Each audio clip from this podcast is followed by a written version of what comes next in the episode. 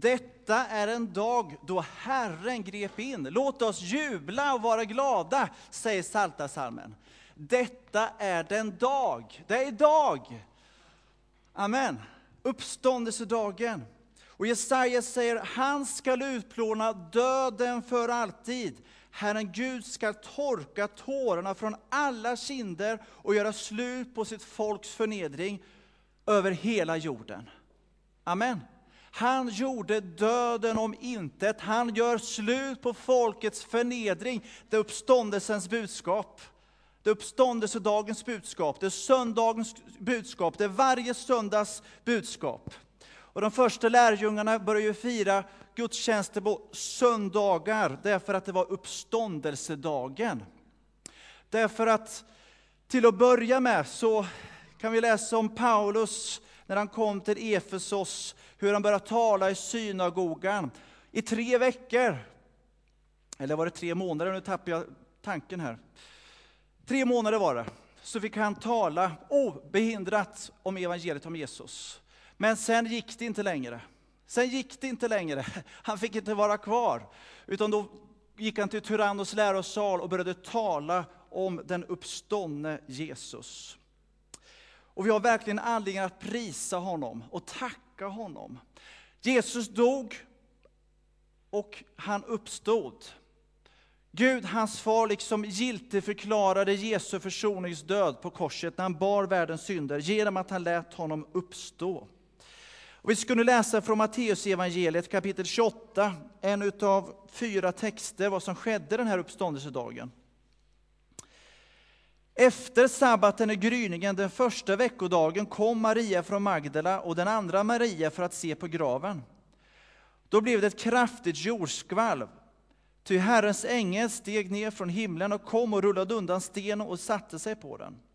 Hans utseende var som blixten och hans kläder vita som snö. Vakterna skakade av skräck för honom och blev liggande som döda. Men ängeln sa till kvinnorna, var inte rädda.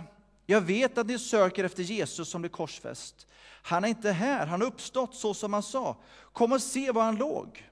Skynda er sedan till hans lärjungar och säg till dem, han har uppstått från de döda och nu går han före er till Galileen.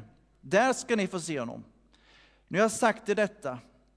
De lämnade genast graven och fyllda av bävan och glädje sprang de för att berätta för hans lärjungar.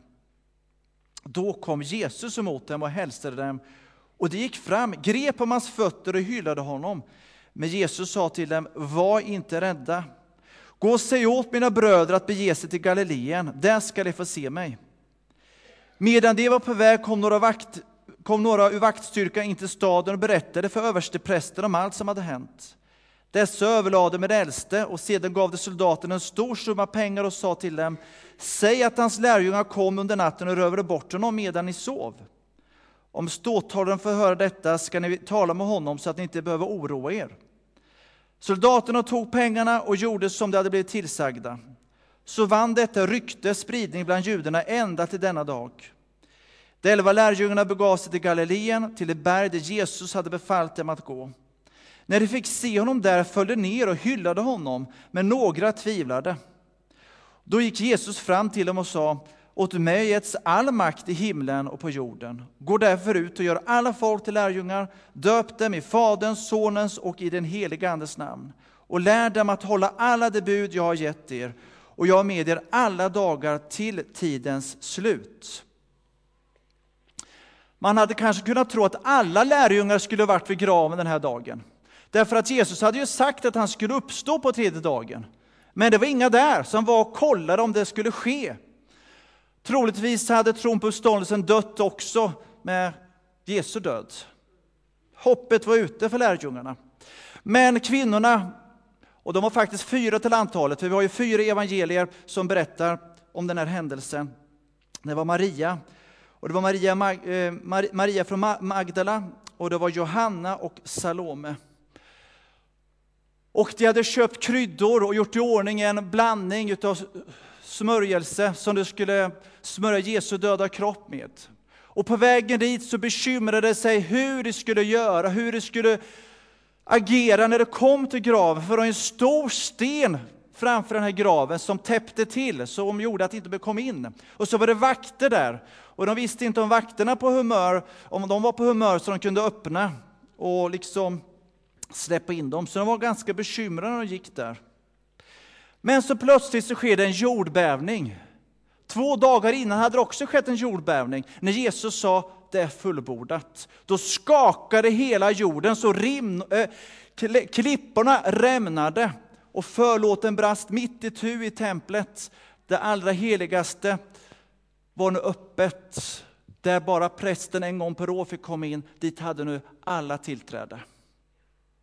Jesus öppnade vägen för alla. Men den här dagen, när det blev jordbävning igen, så var det inte med ett mörker som kom över jorden i flera timmar, utan nu kom det med en ängels ljus.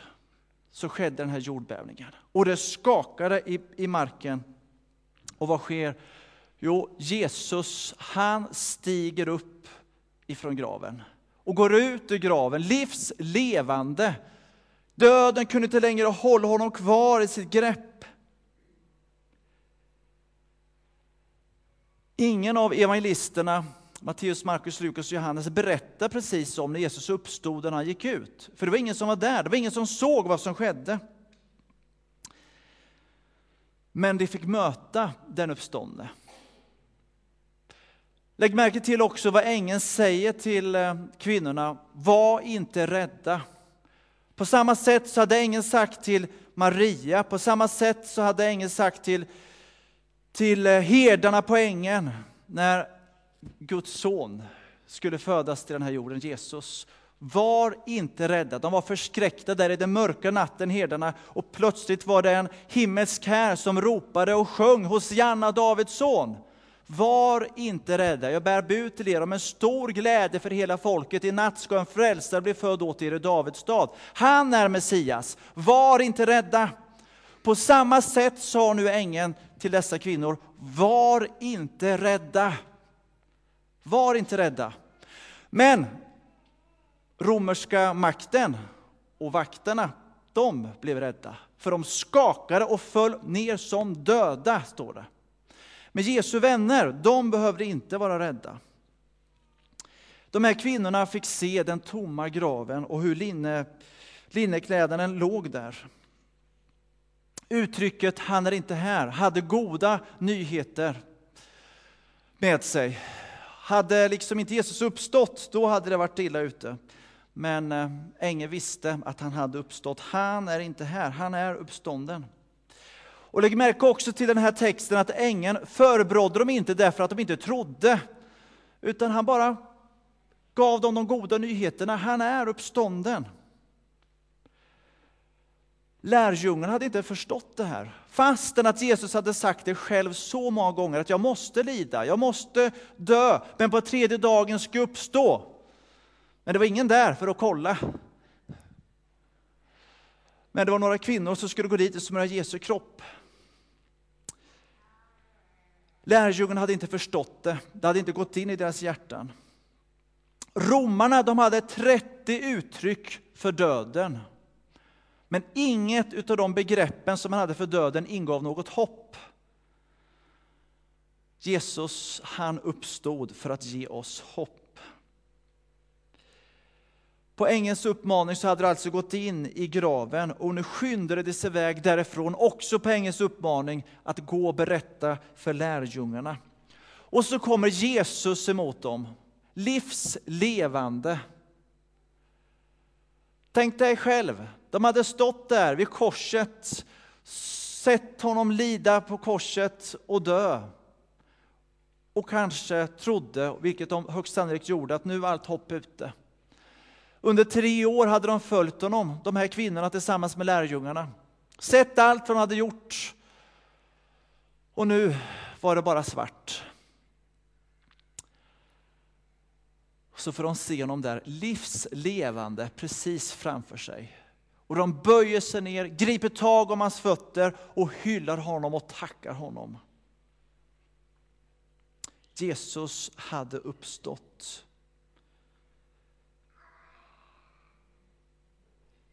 Dessa kvinnor fick inte bara budskapet om att Jesus hade uppstått, utan de mötte honom livslevande.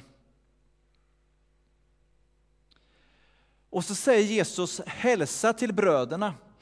Vid den sista måltiden vid nattvarden så hade han sagt att han var tillsammans med sina vänner och firade nattvard. Men nu så sa han hälsa bröderna. Det var ännu mer nära. Nu var inte Jesus bara en vän, utan en broder. Han talar till dem på det här sättet därför att han vill visa sin kärlek till dem. Inte heller de förebrådde han därför att de inte hade trott, utan hälsa bröderna, mina bröder. Det var en kärlekshälsning till lärjungarna. Säg åt dem att gå till Galileen, så ska jag komma och möta upp dem där.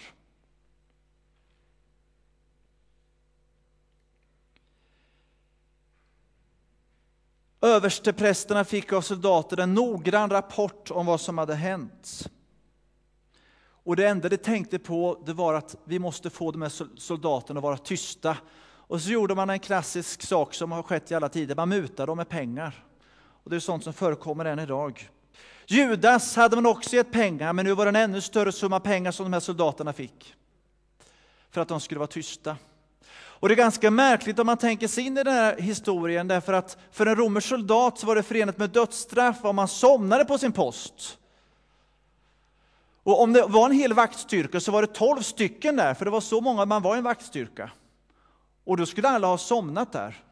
Och det är ganska konstigt om man sover när en så stor tung sten rullas undan och det blir jordbävning. Och... Men de kunde titta på något annat. Så de gav de här summan pengar och är det någon som undrar något sa prästerna till soldaterna så skicka dem till oss. Man vill göra allt för att tysta ner. Alltså så måste de ha trott på att det här skedde på något sätt och vis, eller hur? För de sa, ja, men, säg att hans lärjungar, att det var de som rövade bort kroppen. Säg det. Så fick de sina pengar. Matteus, Markus, Lukas och Johannes beskriver den här händelsen på lite olika sätt. Det här var från Johannes evangeliet. I Markus så står det att två stycken lärjungar var ute och gick på en väg, på vägen mot Emmaus. De hade hört kvinnornas vittnesbörd och de gick och funderade och diskuterade fram och, tillbaka, fram och tillbaka. Kan det verkligen vara sant att han uppstått? Och så helt plötsligt så var han där och slog följe med dem. Men de märkte inte det, inte på en gång i alla fall. Och sen också i Markus så visar han sig för dem medan de åt. I Lukas kan vi läsa om efter att kvinnorna berättat för lärjungarna så sprang Petrus dit för att se om det var sant. Och han sprang till graven och såg att den var tom. Och man kan liksom se hans ansikte framför sig. Här beskrivs också Emmaus vandrarna och ännu mer ingående Jesu möte med dem och hur de förstod att det var han. Här beskrivs också hur Jesus uppenbarade sig för lärjungarna när de åt mat. Och lägg märke till att det var inte någon ande som uppstod, utan det var Jesus. Han hade en kropp, för han åt tillsammans med dem. Fisk åt han. Han åt fisk. Så det var inte någon ande som svävade omkring, utan det var en kropp som uppstod från de döda. En kropp, men den var för härlig. Den, den, det var en helt annorlunda kropp. För när han kom till lärjungarna så knackade han inte på dörren och bad dem öppna, utan helt plötsligt så bara stod han där.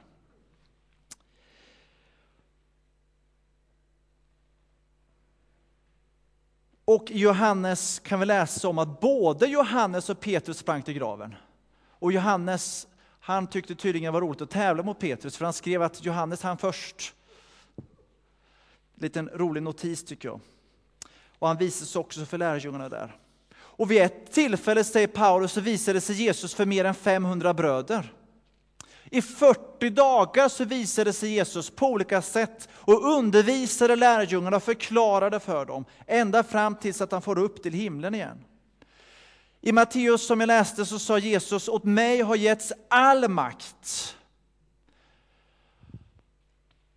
Jesus besegrade döden.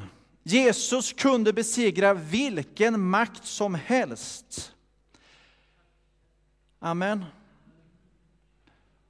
Och det är ganska intressant att det här ordet, grekiska ordet som används för makt här, exosia, betecknar varje form av auktoritet och myndighet och den gudagivna makten att handla. Den ägde Jesus, den hade han fått. Det fanns ingenting som var omöjligt för honom. Och när Jesus hängde på Golgata kors så hade han också där kunnat kalla på hjälp från himlen. Och tusentals och åter tusen änglar hade kommit till hans hjälp. Så Jesus var egentligen inte maktlös på korset, men han gav sin makt, han gav av fri vilja, så la han ner allt.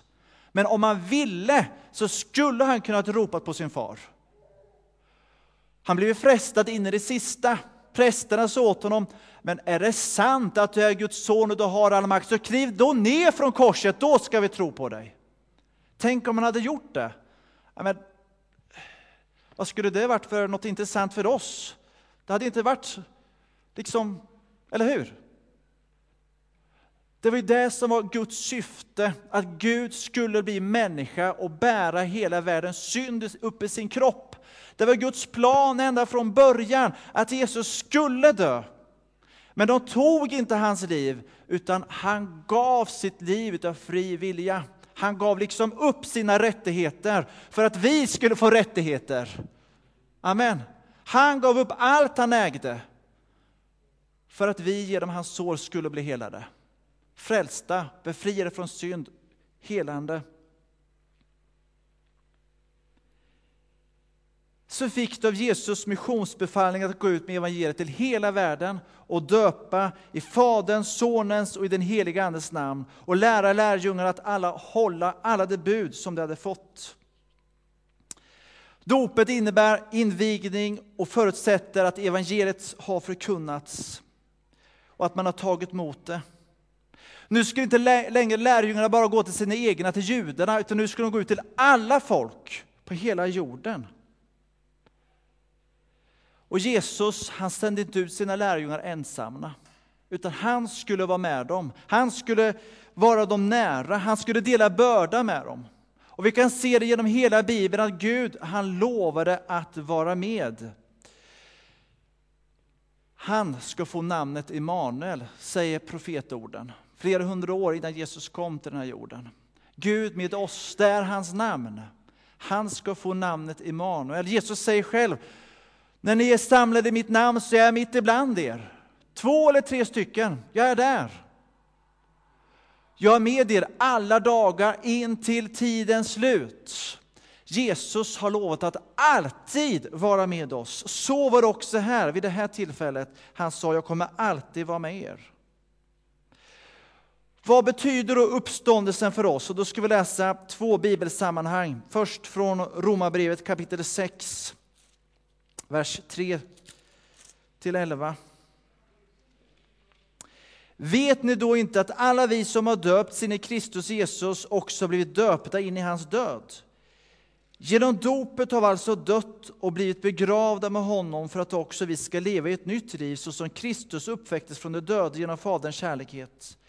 Ty har vi blivit ett med honom genom att dö som han skall vi också bli förenade med honom genom att uppstå som han. Vi vet att vår gamla människa har blivit korsfäst med honom för att den syndiga kroppen skall beröva sin makt, så att vi inte längre är slavar under synden. Ty den som är död är frikänd från synden. När vi nu har dött med Kristus är vår tro att vi också ska leva med honom. Vi vet ju att Kristus är uppväxt från de döda och inte mer skall dö. Döden är inte längre herre över honom. När han dog, dog han bort från synden en gång för alla. När han nu lever, lever han för Gud. Så ska ni också se på er själva. I Kristus Jesus är ni döda för synden, men lever för Gud. Så läser vi också ifrån första Korintierbrevet, kapitel 15, från andra delen av vers 54.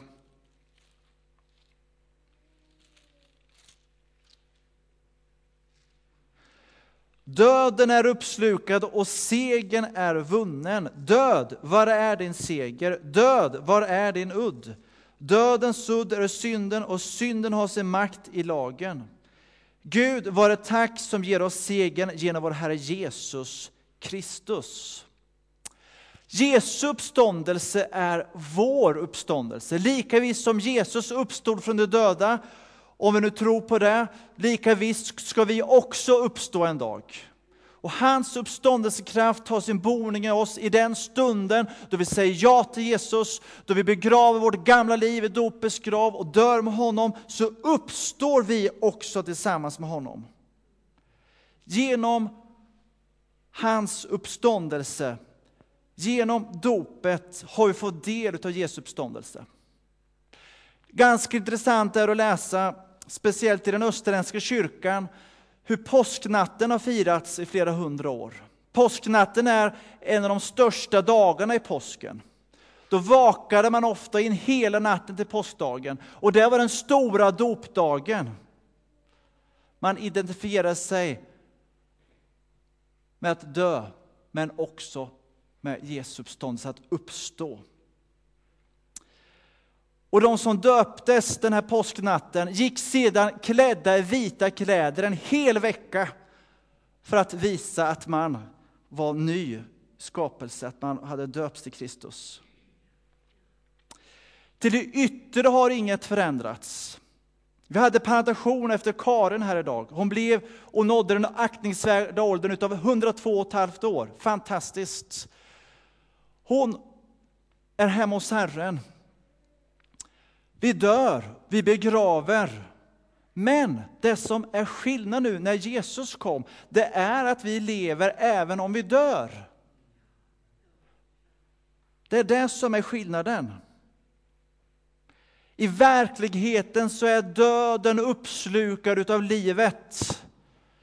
Jesus har vunnit seger. Uppståndelsen börjar nu med det liv som finns bortom döden. Liksom julen inträffar vid vinterdagsstilleståndet, eh, eller vinterdagsjämningen, när solen sakta börjar minut för minut varje dag få mer, få mer soltimmar och vi ser att ljuset kommer åter. På samma sätt är det nu att påsken är vid vårtid, när det börjar knoppas ute. När ljuset kommer allt starkare och när värmen kommer allt mer och mer när det börjar grönska. På samma sätt som vi ser det rent i naturen, hur liksom skapelsen börjar blomma, så är det också med den som tar emot Jesus i sitt liv. Uppståndeskraften börjar verka. Det börjar knoppa, det börjar blomstra, det börjar liksom skjuta skott i en sådan människa. Det är därför lovsången finns i den som tillhör honom. Och man vill bara prisa honom för att han har gett oss ett nytt liv. Den som är i Kristus är en ny skapelse. Det gamla är förbi, något nytt har kommit. Vi kan ju se det, speciellt om man är ute i skogen kanske, där det är mycket ris och mycket löv, så ser det ganska grått och trist ut efter att snön har försvunnit. Det gamla. Men det gamla är förgånget. Något nytt har kommit. Gå ut någon månad senare sen i samma skog och hör alla fåglar sjunga och alla blommor och allt det gröna, allt det vissna liksom syns inte längre, för det är så grönt. Så är det med den som har tagit emot Jesus Kristus. Det gamla är förgånget, det vissna, det kommer ett nytt liv. Och det är han som har gjort att det skjuter skott i oss här inne. Kolosserbrevet 3 säger, om ni alltså uppstått med Kristus, sträva då efter det som finns där uppe, där Kristus sitter på högra sidan. Tänk på det som finns där uppe, inte på det som finns på jorden. Ni har ju dött och lever ett osynligt liv tillsammans med Kristus hos Gud. Men när Kristus trädde fram, han som är ert liv, då skulle också ni träda fram i härlighet tillsammans med honom. Vi lever ett osynligt liv tillsammans med Kristus hos Gud. Alltså, genom vårt dop så är vi förenade med Kristus i hans död också i hans uppståndelse, men också i hans himmelsfärd. Vi lever ett osynligt liv hemma hos Gud. Fascinerande, undrar vad det innebär. Jag fattar inte helt och hållet, men det står så att vi lever ett osynligt liv hemma hos Gud.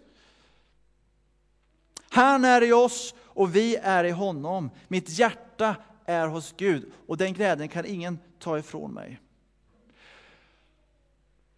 Och när vi liksom tar emot det här i våra hjärtan, att Gud, han är i oss, vi är honom och vi lever tillsammans med Gud, också ett osynligt liv i himlen. Ja, då har Guds rike kommit, då har vi förstått, i alla fall till en viss del, vad det handlar om. Men nu ser vi en gåtfull spegelbild, men då ska vi se ansikte mot ansikte. Och en dag ska Jesus komma tillbaks till den här jorden på samma sätt som han får upp och lämnar lärjungarna, så ska han komma tillbaks. Och då ska anden, själen och kroppen förenas igen. Också mycket märkligt. När Bibeln säger det, så ska det som har dött i tro på Kristus Jesus uppstå ur sina gravar och tillsammans med oss få möta Herren. Så döden är inte längre slutet, utan det är en övergång till ett nytt liv. Tack vare Jesus Kristus. Det är de goda nyheterna. Det är därför också Bibeln säger att ni behöver inte sörja som andra gör. Att sörja, att sakna, det gör vi ju alla. Men vi behöver inte göra det på samma sätt. Därför att vi äger ett hopp. Romarna hade alltså 30 uttryck för död, men inte ett av dem ingav hopp. Här finns det hopp. Den som lever och tror på mig, han ska leva även om han dör. Vi ber tillsammans. Ja, Jesus, jag prisar dig, jag tackar dig för den här dagen, Herre. Och jag tackar dig än en gång för din uppståndelse. Jag tackar dig för det liv du har gett oss, att vi ska också få leva ett osynligt liv i himlen hemma hos dig. Och jag tackar dig att du är i oss och vi är i dig, att vi är förenade. Och jag tackar dig Gud, att vi ska få leva även om vi dör, Herre. Och jag tackar dig Jesus för att din uppståndelse är vår och att vi också ska få uppstå en dag, Herre, och få bli lika dig och få möta dig och få alltid vara hos dig. Tack för detta hopp Gud, att döden inte är slutet. Och jag tackar dig Jesus för att alla lärjungar fick möta dig, fick se dig den du verkligen är. Och jag tackar att vi också ska få se dig för den du är Herre. Och jag tackar att jag får be om din välsignelse nu över oss var och en och i slutet och avslutningen på den här gudstjänsten. I Jesu namn. Amen.